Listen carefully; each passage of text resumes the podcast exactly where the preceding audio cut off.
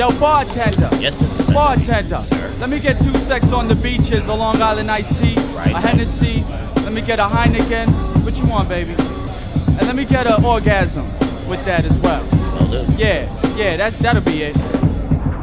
Välkomna! Med eller utan is avsnitt 5. Förmodligen det mest komplexa och största avsnittet hittills och det som de flesta har väntat på. Befinner mig i kanske den absolut häftigaste barlokalen jag någonsin har varit i. Jag befinner mig på Operabaren i Stockholm. Precis runt hörnet ifrån det ökända Björneborgs Café Opera som resten av Sverige nästan till känner till utav. Med mig till min hjälp idag har jag en riktigt skön legend i branschen som heter Jens Dossel som ska hjälpa mig att ta sig igenom drinken Old Fashion. Hej Jens, välkommen! Tack, tack, hej. Old Fashion tänkte jag att den behöver en liten, så här, en, en liten introduktion ifrån en normal dödlig. För Old Fashion har ju varit den drinken tror jag som har gjort att många, många har fått upp ögonen för lite bättre cocktails under sista tiden. Och jag vet att man på Gondolen här i Stockholm för några år sedan tröttnade ur så jävla hårt på att göra så mycket Old Fashions. Så att man helt enkelt började kalla den för Mad Men-drinken. För att den här drinken dök, dyker upp i tv-serien Mad Men. Och som en liten introduktion till den här så har jag faktiskt hittat det här klippet Jens. Där Don Draper och Conrad Hilton gör en um, Old Fashion. Så jag tänkte att vi ska spela upp det för lyssnarna och för dig. Och sen så tar vi och tar vi, får du referera det klippet lite, lite efteråt. Ehm, ja, här kommer, det här finns på Youtube ifall det är någon som undrar. Man kan söka på Don Draper och Conrad Hilton. Men här kommer själva klippet. Can I get an old fashioned? We're on the same mission. This bar looks like it was set up by a blind man, and there's no bourbon.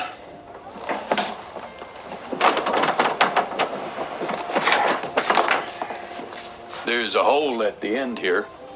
I don't have a lot of time.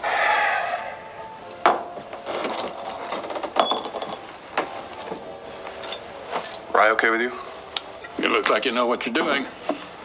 I'm Connie, by the way. Don.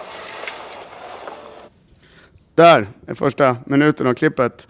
Eh, Jens, vi ser ju Don Draper hoppa över bardisken. Det är fantastiskt där när han säger att det finns ett, ett hole in the end här och han säger att han har ont om tid. Men vad är, vad är, det, han, eh, vad är det han börjar göra helt enkelt? När han, vad, vad är det här för drink han ska göra? Han ska göra en Old Fashion cocktail som är en av de mest klassiska drinkar som finns. Eh, och han börjar med att fråga efter, eller vad, är, vad, är, vad, är, vad, finns det för historia bakom drinken? Varför är den här drinken så älskad utav snubbar som Conrad Hilton och Don Draper som personifierar manligheten gånger åtta? Liksom? Hur lång version vill du ha? Ja, Gärna en som är ganska lång, det kan vara ganska trevligt för den här är så älskad och det finns så många historier på drinken. Så din historia är vi jättenyfikna på. Okej, det här är, det, jag, jag har ingen facit men det här är min, min teori om, om varför den är så poppis. Det, eller om vi börjar med bakgrunden till själva drinken Old Fashioned så, så när, när man började dricka con, concoctions som det hette eh, i början på 1800-talet så, så eh, bestod en, en concoction, vilket jag tror för övrigt är, är ursprunget till ordet cocktail. Concoction, jag har aldrig hört det förut. Ja, det betyder eh, mix egentligen, eller brygd. Eller, eller, det fanns massa kvacksalvare som åkte runt och gjorde mirakelmedicin. Det var typiska sådana eh, hopblandningar ungefär. Så concoctions hette det från början. Och sen, man- Är det engelska? ja, det är engelska, amerikanska. Ja. Och sen tror jag att när man blev lite full så kunde man inte säga concoction. Jag kan knappt säga det nykter, så då var det cocktail till slut. Med något sånt där. Och det originalreceptet på en concoction var att man tog sprit, bitters, vatten och socker. Eh, det, då var det inte så viktigt kanske vilka mått man hade eller vilken sprit man hade. Men, men eh, någon gång på 1800-talet, sen på slutet, så enligt legenden så, så i mitten av 1800-talet fanns en häst som hette Fashion. Och det är möjligt att den har fått ge namn till den här drinken. Men jag tror att det kom flera brygder och så ville man ha en sån gammeldags cocktail som de gjordes förr i tiden. Med bara sprit, vatten, socker och bitters och då bad man om en Old Fashion cocktail. Och sen så växte den här fram, eh, tydligen i Kentucky, tagen från Kentucky till eh, Waldorf Astoria och så fick den det här receptet med bourbon som vi använder nu. Okej, så att det här är inte, om vi går in i drinkfamiljerna som vi har tittat på här. Nu har vi gjort en sockerkaksdrink för ett tag sedan, det vet jag inte vilken drinkfamiljen var, jag kommer inte ihåg. Men, men eh, vi har gjort, eh, vi har gjort lite olika. Det här är inte en sour, utan vilken drinkfamilj skulle du säga att det här är då? Det här är klassiska cocktail. Alltså det här är ursprunget till cocktail. Ursprunget till cocktail? Concoction cocktail. Concoction. Det låter ju helt fantastiskt, vilken historia. Eh, och eh, eh, vad, vad, om du berättar lite, så här, vad har hänt med den senaste året här, senaste åren? Jag vet inte hur länge sedan det här började. Berätta lite, hur har den här, hur har den här blivit omåttligt populär? För det var någon som sa, som, sa till mig att först var vodka Red Bull stort, sen blev eh, mojiton stor, sen blev whisky sour lika stor som mojiton, sen blev mojiton lika stor som vodka Red Bull. Men sen kom Old Fashion och blev lika stor som whisky sour. Och idag är Old Fashion gigantiskt som jag förstår. Ja, nu vet inte jag vilka rookies du har intervjuat hittills, men jag, jag har jobbat i bar sedan slutet av 80-talet och då, då gjorde man Old Fashions. Det, gjorde man. det var ungefär en av de få cocktails man gjorde på den tiden. Men då när man roddade baren så tog man fram lika mycket Russian som man tog fram tonic och man tog fram lika mycket vodka som gin. De drinkar som gick mest på den tiden, eller drinkar, groggar, var ju vodka Russian och gin tonic. Sen så kom Caipirinha och sen så kom Mojito och sen, ja, vodka Red Bull, det har ju mer till nattklubb. Sådär. Men eh, den här blev jättepoppis nu efter Don Draper eh, kom igång, när hela den här, och sen när Prohibition-eran, drinkarna kom igång. Och den påminner om dem, fast den här är ju långt före förbudstiden i USA egentligen. Min, min teori, förlåt, att min teori kring varför den är poppis eh, och lite macho, det är att det är ju sprit som man sötar upp lite grann bara.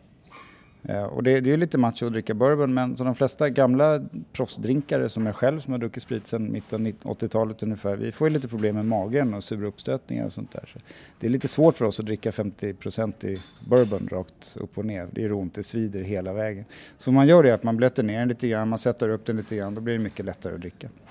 Det är underbart, alltså jag vill ju bara fråga nu var du började och allt sånt där, men vi kommer att komma till det lite längre fram. Det var en fantastisk förklaring. Det jag tänker lite så här som att när man, eh, om man ska dricka kaffe och tycker att det är lite för tufft med sånt här krogkaffe som har stått i x antal timmar, så häller man i lite mjölk och socker, eller? Ja, ungefär den grejen. Precis. Coolt, och sen har den blivit populär då, är det senaste 5-10 åren som den har fått en revival då eller? Ja, fem skulle jag säga har, det varit, har den varit en, en av de vanligare beställningarna på krogar. Okej, och då, jag har en fråga här om is innan, innan ens gång. Den här isen som då ska komma ifrån, som jag skämtade i förra avsnittet, är Högdalens glaciärberg, alltså sådana här jätteisar som iskonstnärer använder annars, som ser nästan ut som snöbollar som är genomskinliga. Eh, är det de, har, det liksom, har de kommit tack vare att den här drinken har blivit populär? populär? Finns det en koppling mellan de här två? Nej, det var en sån hipstergrej från början att man skulle ha sån is. Och det är kul med en sån is. Det, det, förr i tiden så hade man ju stora isblock som man högg ut isbitar ur. För det fanns ju inga ismaskiner utan det var isskåp som man, man fraktade ner glaciärblock. Nu pratar vi för länge sedan, nu pratar vi 1800-tal ungefär. Så då, då tog man en större klump, eh, klöv den så att de var i två delar, fick plats i glaset bra och så la man ner den.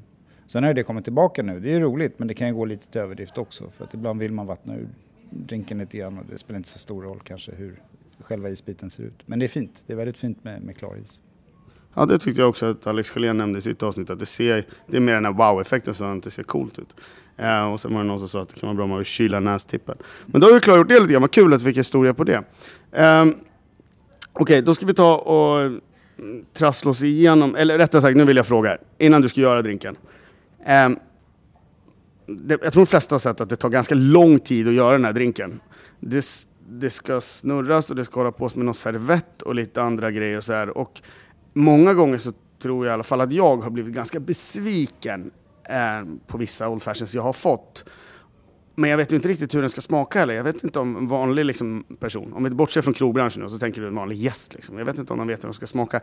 Hur vet man om stället man kommer in på kan leverera en bra old fashion? Hur kan man själv hjälpa bartendern till att få en bra old fashion? Hur ser det ut när man får en bra old fashion?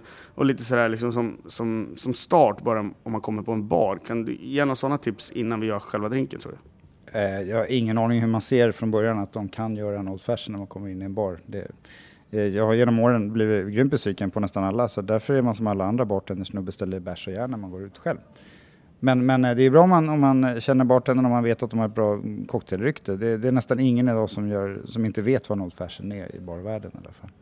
Men eh, den ska ju smaka som, som uppsötad och lite små bittrig eller aromatisk bourbon helt enkelt. Man, man tar och förädlar eh, bourbonsmaken. Jag kan tänka mig också från början så, så anledningen till att man började blanda ut bourbon eller sprit var ju att spriten inte var särskilt bra. Det smakade finkel eller var lite för starkt. Eh, för att göra det drickbart så blandar man ut det. Okej, och du nämner ordet eh, bourbon här flera gånger. Vad är, det är någon form av whisky, det vet jag. De flesta av oss vet att det är trendigt. Men berätta jättegärna kortfattat vad, vad det är för, för oss som lyssnar. Eh, Kentucky sprit, USA, alltså amerikansk. Lite söt, lite finklig, ofta lite oljig. Eh, det, är en, det är en whisky gjord på majs, har för mig, oftast. Eh, ibland görs den på råg, då heter den inte bourbon, då heter den rye. Okej, så det är alltså en, en, amerikansk, eh, en amerikansk whisky. Och det används uteslutande. Kan man använda, kan man använda liksom en, en vanlig skotsk whisky också eller? Ja, det beror på hur puritanska vi ska bli. Det, en av ursprungscocktailerna som, som de säger ligger till grund för Old Fashion just det heter whisky cocktail. Och där tog man ju ungefär vilken whisky man hade. Jag har en drinkbok från 1917 som skrevs här på Operabaren där, där eh, det närmsta receptet till en Old Fashion görs på skotsk whisky. faktiskt. Hur, hur mycket är den drinkboken värd idag? Eh, Originalet är nog värt rätt mycket. Vi har gjort en uh, upplag, nyupplaga av den som vi säljer här i baren. Som, oj, så ni säljer i baren? Den, den är värd 395 kronor och går att handla här i baren. Vilket bra tips, grymt, grymt, vad roligt. 1917 sa du? Ja, Fantastiskt. Okej, men då börjar vi ta oss igenom, eh, ta oss igenom drinken. Och, ehm, ja, det här med... Ska, ska vi, nu vet jag, nu har jag sagt till dig så här. Jag, vi kommer att komma till att du har, du har ju lite rutin på det här. Men jag vill ändå att du ska berätta för folk hur det här med servetten och alltihopa går till. Så att nu kommer Jens att få förklara hur man gör med servett och eh, sockerbit och lite sådana här grejer. Sen har Jens gjort en liten annan twist här som jag kommer att berätta på slutet som eh, jag är väldigt imponerad av. Så k- kan du snälla gen- leda oss igenom den här servetthistorien, den här som jag har sett ganska många av oss. Ja, eh, gärna. Tack Jonathan. det, det, det här är som sagt det här är en av de få drinkar som Dry Martini också som har fått ett helt glas uppkallat efter sig. Ett Old Fashion-glas. Ett Old Fashion-glas är ganska brett och ganska kort kan man säga. Brett och kort glas, stadigt, stabilt. Eh, så vad bartenders idag gör är att de tar en liten barservett som är med 24 gånger 24 tror jag. Nej, det blir inte alls. Den blir 18 gånger. Ja, det är en liten servett i alla fall. Så man lägger ovanpå det här glaset, lägger en sockerbit på och så stänker man på Angostura Bitters. Angostura Bitter är en väldigt bitter liten smakhöjare eller aromat, aromattillförare som förr i tiden gjordes från barken på Angostura-träd men nu för tiden görs på kemisk väg och eh, eh, är uppkallad, säger de, efter en stad i- Spanien som heter Angostura. Okej, ehm, och den där flaskan här, den har en gul kork, den är brun. Var, uh, den där känns det som en sån här, som om man tittar i gamla, liksom gamla, lite gamla farfars barskåp. Nu är det väl väldigt trendigt igen, men, men jag vet att när jag jobbade i bar och serverade vodka Red Bull så var det där någonting som man inte visste vad man skulle göra med i baren. Och det var lite så här farfars barskåpsgrej. Och jag undrar först och främst, för, för jag vet att det där luktar jättegott, det är en fantastisk grej. Man kan ha en matlagning också vad jag har fått för mig. Men vad får man tag på det där? Systembolaget det är nämligen 60 eller 50 någonting procent så att den får inte säljas i matvarubutiken. 44 procent, är det, förlåt. 44,7. Så den köper man på Systembolaget. En flaska räcker 10 år som du säger ungefär. För man tar några stänk bara i en, i en drink. Eh, förutom vi här som köper lådvis och det kan vi återkomma till varför om sen. Eh, väldigt populär i Västindien. Jag bodde i Västindien några år och då, drack man den, då hade man i den här i eh, läsk, man hade i den i vatten, man hade i den i allting. För det är väldigt skönt när det är varmt så är det skönt med lite bittert. Så du menar man kan krydda upp sitt vanliga dricksvatten med det? Ja, absolut. Och det är skitbra om man har ont i magen eller är lite så här gasig i magen. Så tar man eh, ganska mycket sån i ett glas och så lite sodavatten och så sväljer man det. Det här är klassisk gammaldags eh, medicin från början. tror jag. Grymt huskurstrick eller vad man ska säga. Fantastiskt, tack för det tipset. Det ska jag verkligen köra på. Okej, man dränker in sockerbiten ehm, i servetten här då. Man lägger servetten på, ovanpå glaset, lägger en sockerbit på och sen så skvätter man ner eh, sockerbiten med angostura. Sen så släpper man ner eh, sockerbiten i glaset, häller på några droppar sodavatten brukar de flesta göra för att lösa upp sockerbiten sen. För sen tar man barskedens botten, det brukar sitta en liten klump på den. Och så muddlar man försiktigt ner sockret och rullar runt det tills det börjar lösa upp sig. Tillsammans med bourbon. Okej, men det här, om man säger då, för att jag har frågat alla andra. Om jag, om jag står hemma med en matsked och jag står med en liksom mindre bakbunke och så gör jag det här i min bakbunke, då kan jag göra, få igenom samma effekt egentligen. Ja, absolut. Jag skulle säga att det här, är- det här är ju egentligen ett tömt sätt att göra den här drinken på. Det finns ingen som helst anledning att använda en sockerbit. Det tar bara tid. Och ofta så, en gäst som beställer en drink är ju törstig, vill ha sin drink fort. Jag brukar ta några droppar sockerlag istället som motsvarar en sockerbit. Sockerlag gör man helst på två delar strösocker, en del vatten och så rör man, var hett vatten och så rör man runt det tills det har klarnat helt ordentligt. Det har jag förstått utav de andra vi har pratat om, att det här med sockerlag det är något som alla människor som är intresserade av att drinkar hemma i sitt kök, de kan gott göra lite sockerlag och ha det stå, för det räcker länge, det har vi konstaterat. Ja, ja gud ja. Och det är grymt bra att ha. Det kan man ha i såser, man vill söta upp lite eller sånt där också. Det är väldigt bra hemma. Okej, ehm, och sen efter det så tillsätter man, eh, vadå? Ja, vi har haft i bourbon, vi har haft i socker, angostura, eh, några droppar sodavatten. Så nu eh, lägger vi is, kyler ner drinken ordentligt. Eh, tar en eh, tesked, lägger en, en eh, bra eh, körsbär, ett bra körsbär, cocktailkörsbär, alltså syltat körsbär på den och sen så viker vi över, jag brukar vika över en citronzest, det finns de som har i en hel apelsin, eller apelsin eller citronzest, det finns de som har i en hel apelsinskiva i också. Och, och zest, det är, Zest är när du skär av eh, skalet på en, en frukt och utan att få med det vita. Så att det är bara det yttre skalet på en frukt. Och det sätter smak då på drinken eller? Ja, det finns väldigt mycket olja i själva skalet. Som, som, om du vrider ur den ovanför drinken så, så tar det väldigt mycket smak. Då åker oljan ner där och så får du en bra näsa på det som vi brukar säga. Det luktar gott. Men det här är alltså, nu, nu ska vi snart göra den på, din, på ditt sätt här, men, men som jag förstår det, så för en, vanlig whiskysamlare, vi har väl flest folk som samlar whisky i hela världen tror jag i, i Sverige. Vi har ju flest whiskyklubbar per capita och så här. Ja, Va- när, när, eh, när svenska män fyller 40 så måste vi börja servera- s, s, heter det, samla på, på maltwhisky, skotsk maltwhisky. Det, det ligger i vårt DNA på något sätt. ja, det gör det. Men varför, varför är det inte fler som gör den här drinken hemma? Det här ser ju inte alls ut att vara speciellt mm, i svåra ingredienser att hålla hemma. Det är ju ändå, det är bara en färsk frukt som behövs i princip. Annars, allt annat kan man väl lagerhålla hur länge som helst. Ja, det, det är världens enklaste drink, precis som alla andra odödliga drinkar är de väldigt enkla för det mesta. Dry martinin är ju superlätt. Ta lite gin, ta lite, lite, lite ja, vermouth. Eh, en av mina favoritdrinkar är Pink Gin. Eh, väldigt populär under andra världskriget i England för det var svårt att hitta grejer. Men de hade, gin hade de, för det gjorde de själva. Och sen så hade de eh, angostura bitter som vi precis har pratat om. Eftersom de hade så mycket kolonier i Västindien. Ja, det ser man. Okej, du, nu är vi här och nu vet jag vad du har. Du har någonting som jag nästan kissar på mig av glädje av att om jag skulle kunna få tag på själv hemma. Du har ett whiskyfat, fast i mycket, mycket mindre storlek, där du har så kallad barreled aged cocktails. Och jag tror att de flesta som är lite intresserade av sånt här skulle önska att de hade ett sånt här fat hemma. Och du har ju alltså i princip fatlagrat din Old Fashion själv. Ehm, st- stämmer det? Eller vad, vad, är- vad du har färdiggjort? Vad, vad, är, vad är det i- fatet helt enkelt? Ja, nej, men det stämmer. Vi, det finns en firma i Småland någonstans som gör fat. Kagge.nu tror jag de heter på internet om man får säga det.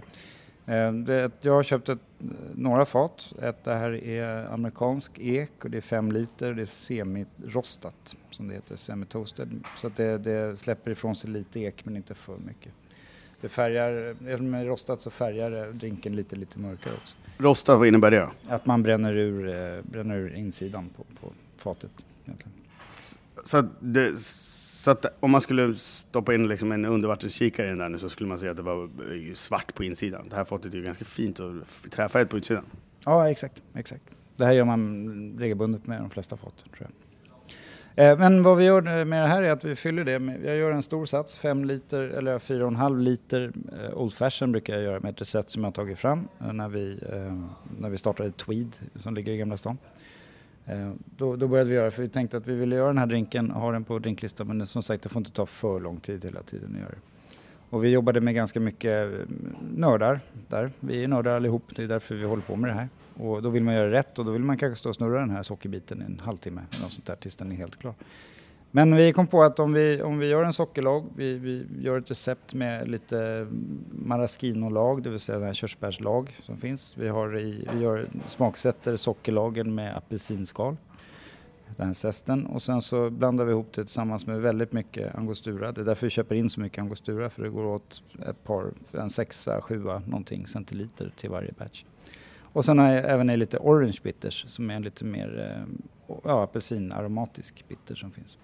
Sen häller vi, rör ihop allt det här, häller ner det på fatet och sen får fatet stå ungefär en månad innan vi börjar servera. Men det, är ju, det här kan ju vem som helst göra hemma. Bara man får ta på sånt där fat så kan man stå och fatlaga sin egen. Mm.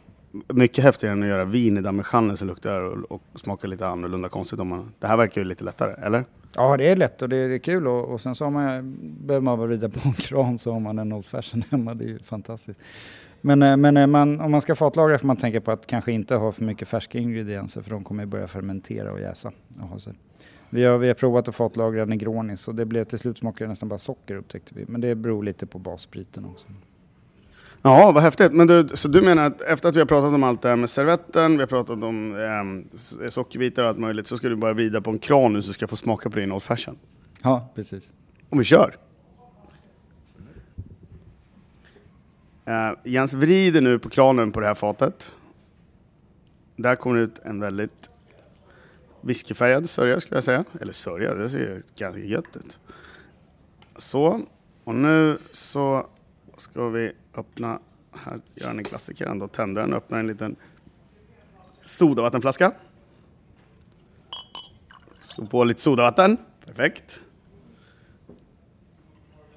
Och lite isbitar. Och då kommer frågan, är den här ser- serveras den här med eller utan is? Det här serveras med is. Med is. Just det, det har vi pratat om eftersom de stora isbitarna.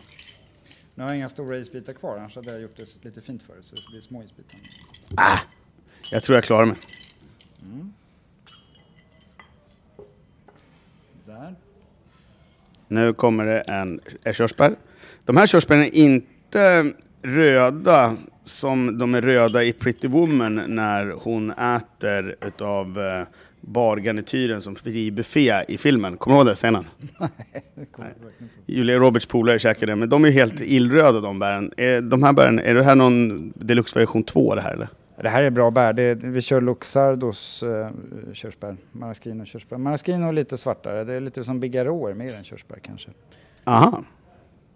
Och nu så har du lyckats ta en form av potatisskalor, skära ut en liten bit av eh, citronzesten och du, eller av citronen, så en bit citronskal och så lägger du på. Och så har du stoppat in sked i drinken.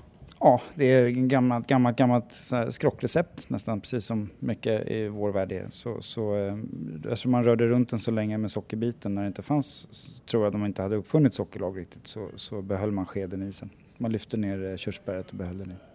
Jag tycker det känns aslyxigt att jag ska få en sked i min drink. Mm, det är lite coolt, kan man plocka upp körsbäret med också och äta. Får jag smaka nu? Ja. Varsågod. Nu sitter jag som en sked. Det, lite, det här känns lyxigt. Jag känner mig som J.R. Ewing fast det är ett riktigt J.R. Ewing-glas, är det inte det? Ja, Don Draper eller J.R. Ewing. J.R. Ewing är gamla Dallas-ikonen för er som inte vet den är. Jag smakar. Skål! Men du, det här smakar ju för det första väldigt bra. Det smakar, eh, det smakar whisky fast det smakar precis som du sa, uppsötad whisky lite lättare.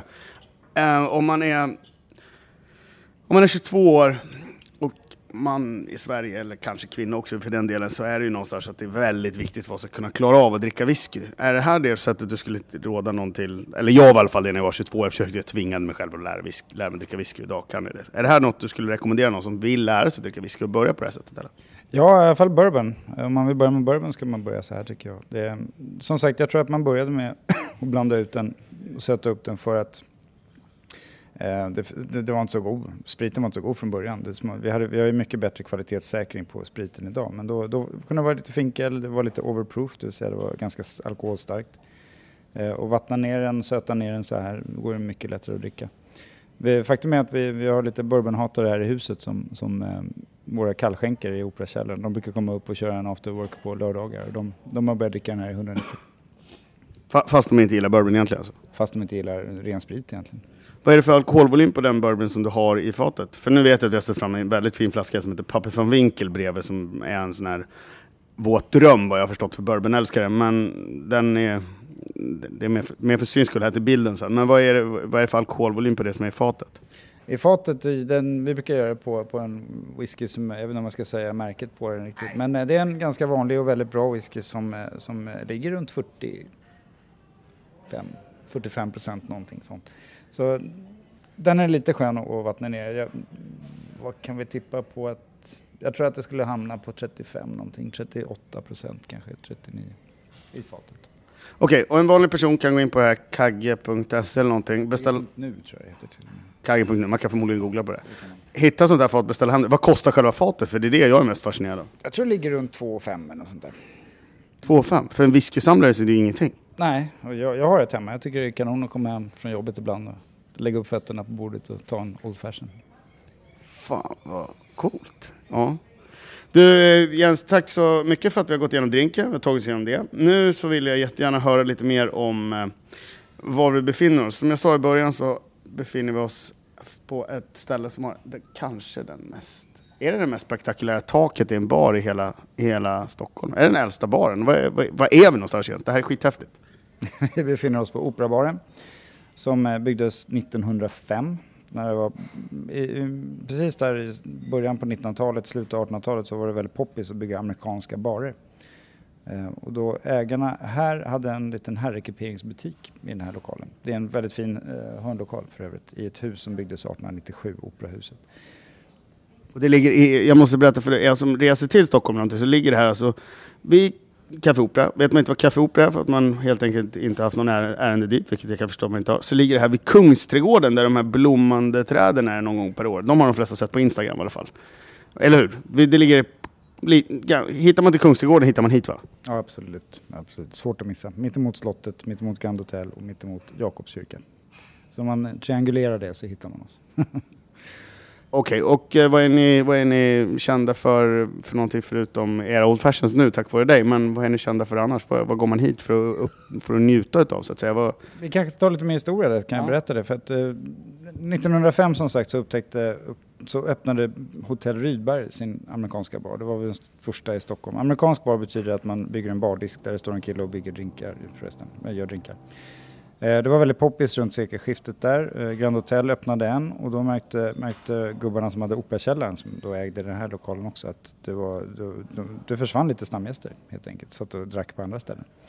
Så de eh, slängde ut herrekiperingen och byggde den här baren. Tog in en kille som heter Henrik van Risvik som byggde den här i, vad blir det, jugendstil kallar vi det för. Art Nouveau säger man i USA tror jag. Det är Tiffany-lampor, det här är en väldigt amerikansk stil.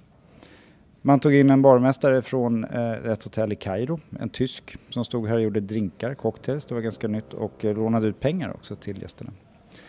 eh, vad, vad gjorde han? Han lånade ut pengar till gästerna och gjorde cocktails åt dem. En, jag vet inte, jag kommer inte ihåg vad han heter, Schaifhauser eller något sånt där. Ja. Lånade han ut pengar när de var fulla efter att de hade druckit? Jag fattar inte.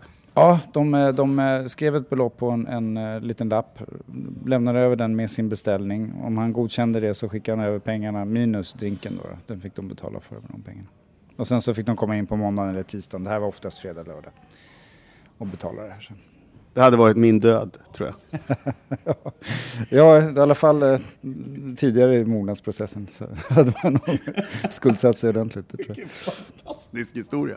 Ja, eh, men det finns många historier här i Operabaren. Det här var... Det kom en, en barmästare sen som heter John Ljunggren som skrev Europas första drinkbok som vi redan varit inne och pratat om. Den, den eh, kom några år före Savoys som brukar tillskrivas det mest europeiska, eh, klassiska europeiska. Redan från början så började jag hänga massor med konstnärer, författare, politiker, eh, officerare. Det var liksom lite eliten i stan som hängde här på den tiden. Anders son hade sin egen cocktail till och med. Han hade bott i USA och lärt sig cocktail så att han, han tog med sig den. Eh, när han klev in här så, så ställde barmästarna upp alla ingredienser så gjorde han, blandade han den själv. Det är ändå en variant på Manhattan kan man säga ungefär. Eh, och sen, sen dess har det varit väldigt mycket stammisar. Det är väldigt stammisstyrt. Vi har en familj, en känd fin- finansfamilj i Sverige som har haft det här bordet vi sitter vid eh, bokat varje lördag i 60 år ungefär. Tror jag. Vi, vi sitter i, längst in i det vänstra hörnet om någon som kommer förbi. Så ni vet vilket bord. Ja, exakt. exakt. Nu kraschar det bra i köket här. Eh, och det, det är jättemycket, det finns mycket stammisar, det finns väldigt mycket historier från den här baren. Tore Wretmans första restaurangjobb var i den här baren innan han, ja, 20 år, 30 år innan han köpte stället. Han ägde det här ett tag. Tore Wretman, det var någon som skrev någon gång något kul att tänk så många människor som har fått ligga med varandra tack vare att Tore Wretman reformerade restaurangbranschen eller någonting sånt där.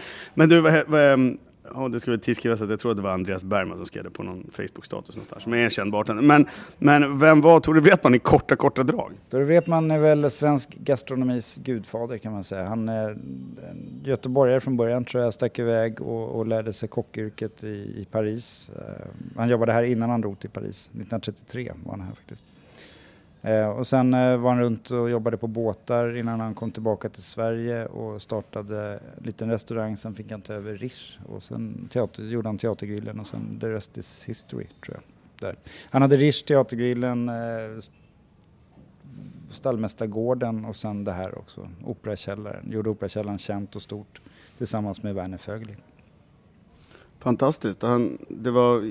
Han var, förlåt, han var Sveriges första TV-kock också tror jag. När väldigt få hade TV stod han och lagade mat i TV och eh, han har skrivit väldigt mycket matböcker. Det här är ju inte lite historia när vi sitter här inne. Då. Vad är häftigt.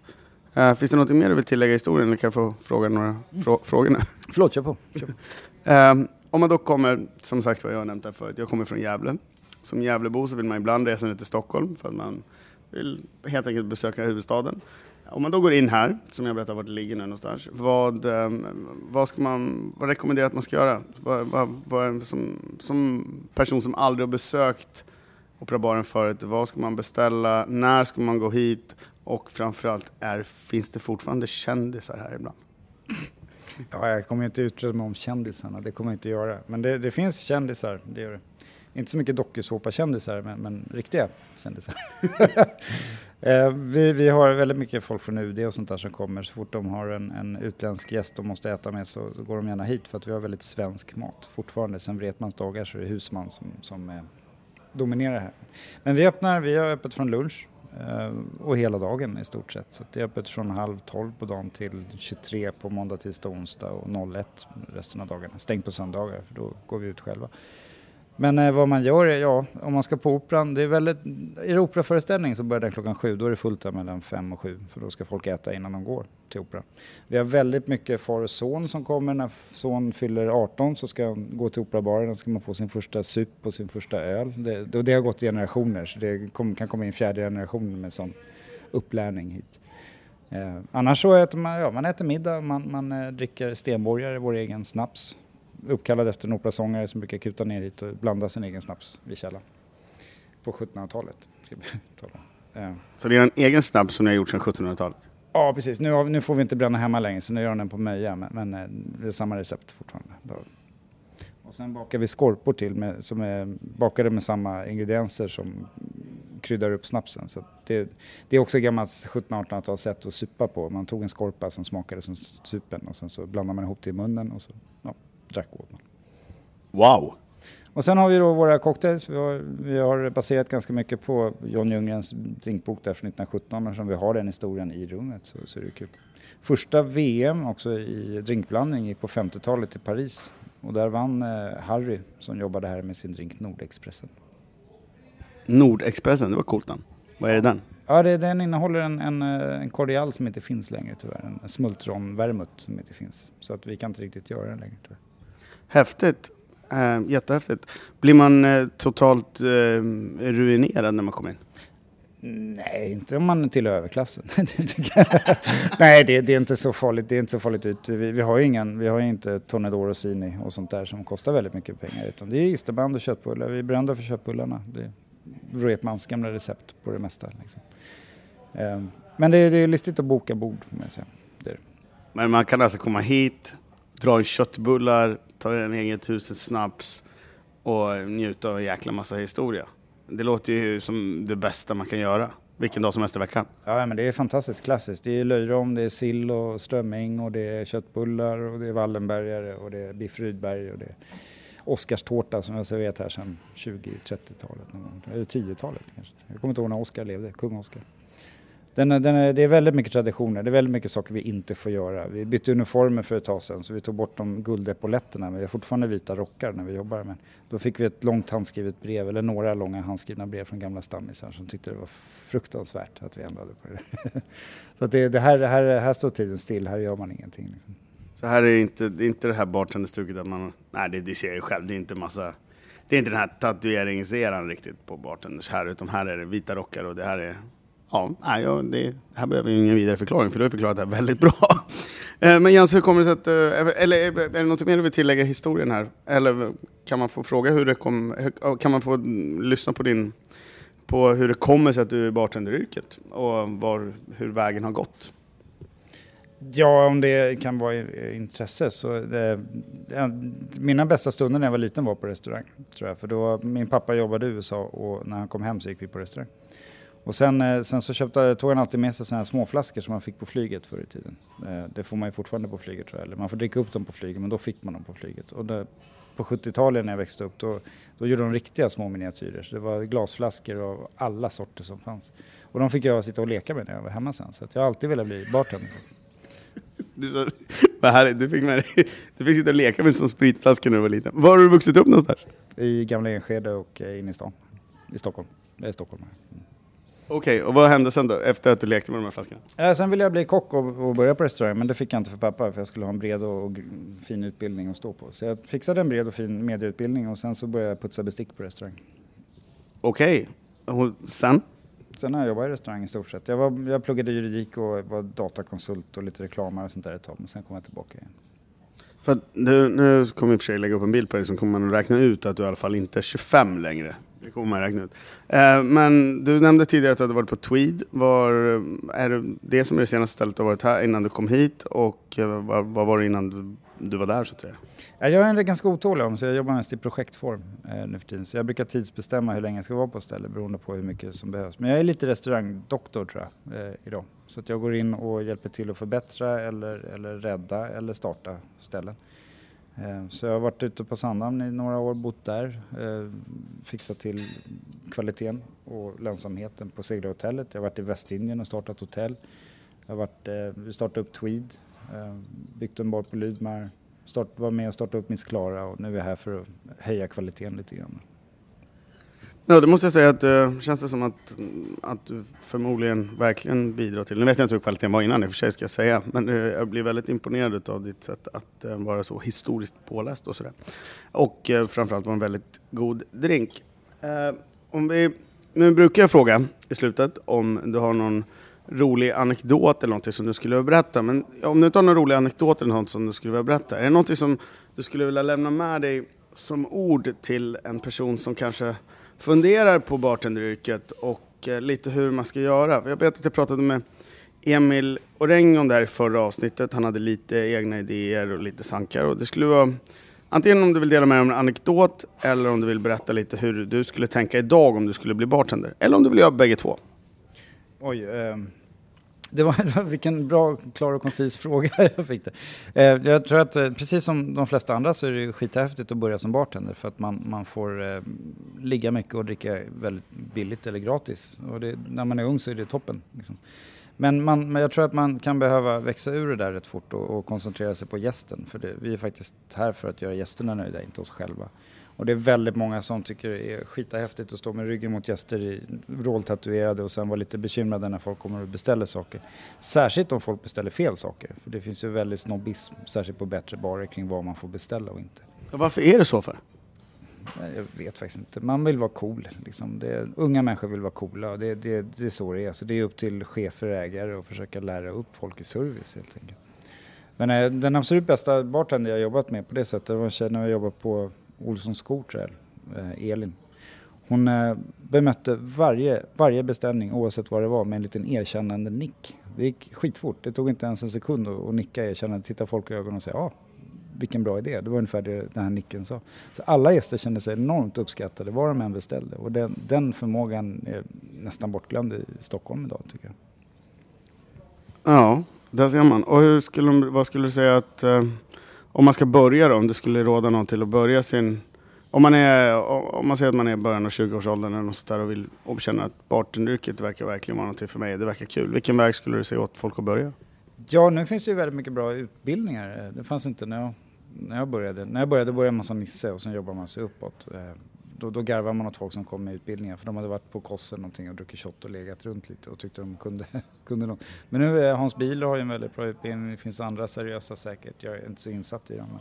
Men börja med att ta en utbildning, börja, sen så gå in ödmjukt på, på krogar och be att få praktisera egentligen. Kolla om man passar för det. Om, det är nästan alltid så att man behöver bra folk i restaurang och, och är man inne och är duktig, ödmjuk, vill lära sig, jobba hårt så kommer man få jobb. Garanterat. Sen måste man ju vara intresserad av det man gör så man får ju plugga på, läsa på, luska, nörda loss lite på det man gör. Liksom. Okej, om du skulle säga att eh, vilket är, eh, vilket är det kom, om, om du tittar på gästerna här inne och lite så här, vad känner du att om jag skulle komma in och börja jobba här inne på Operabaren och så skulle du säga, vad, vad är det första du skulle be mig läsa på om då för just det här stället? Eh, i, är det vin, är det öl, är det drinkar eller är det mm, bestickens utformning? Vad? Här skulle du få börja med att plugga på om stället eftersom vi har en, en väl dokumenterad historia som är över 100 år. Det har skrivits böcker om oss, vi är med i filmer från allt från 40-talet och framåt. Liksom. Det, här måste du plugga på om historien kring stället för vi har väldigt mycket besökare som frågar. Sen så, sen så ska du ju plugga på kring vad är klassiskt svenskt. Det, det, vi serverar husmanskost här och till det dricker man gärna öl och snaps. Och då, då är det bra att veta vad de olika snapsarna går ut på, vad, hur maten tillagas. Det här måste du lära dig ganska mycket om grunder tror jag. Sen, eh, sen så Sen måste du ha ett intresse kring allt det du gör. Du måste ju gå ut och äta, du måste gå ut och dricka, du måste ju läsa på och fixa don. Annars kommer du ingen vart. Så det. Nej, det där har jag förstått att det är ganska viktigt att man faktiskt går ut och äter och dricker också. Att man kan inte bara sitta hemma och spara dricksen och, spela tv-spel. Det är inte riktigt det som är, är melodin som jag förstår det. Nej, nej, nej. Okej, är det någon anekdot du vill dela med dig av eller känner du att, eh, att, vi har, att jag har tagit tillräckligt av din tid i anspråk? Jag tror jag är så gammal så jag har så otroligt många anekdoter så de bästa brukar liksom surfa upp när man har druckit lite. Så vi, vi kan ju ta, kolla om vi kan spela in en anekdotgrej lite på fyllan någon gång. Nej, jag måste säga att det gick lite fort i mitt eget huvud där, för jag hade faktiskt förberett att jag inte skulle ta anekdotgrejen utan bara fråga vilken väg man ska gå, för att jag tycker att eh, uh, man klassifierar liksom, eller är, är vad en bartender ska vara. Du Jens, ett jättestort, jättestort tack och vill man träffa dig så dyker man in på Operabaren, hälsa på dig. Jag ska lägga upp en fin bild på dig med det här fatet så att folk även känner igen dig om de dyker in. Um, stort tack för din tid, hoppas att det inte är någonting som jag har glömt. Um, är det något jag glömt? Nej, inte vad jag vet. Det är din podd. ja, men stort tack! Tack själv. Tack för att du var med.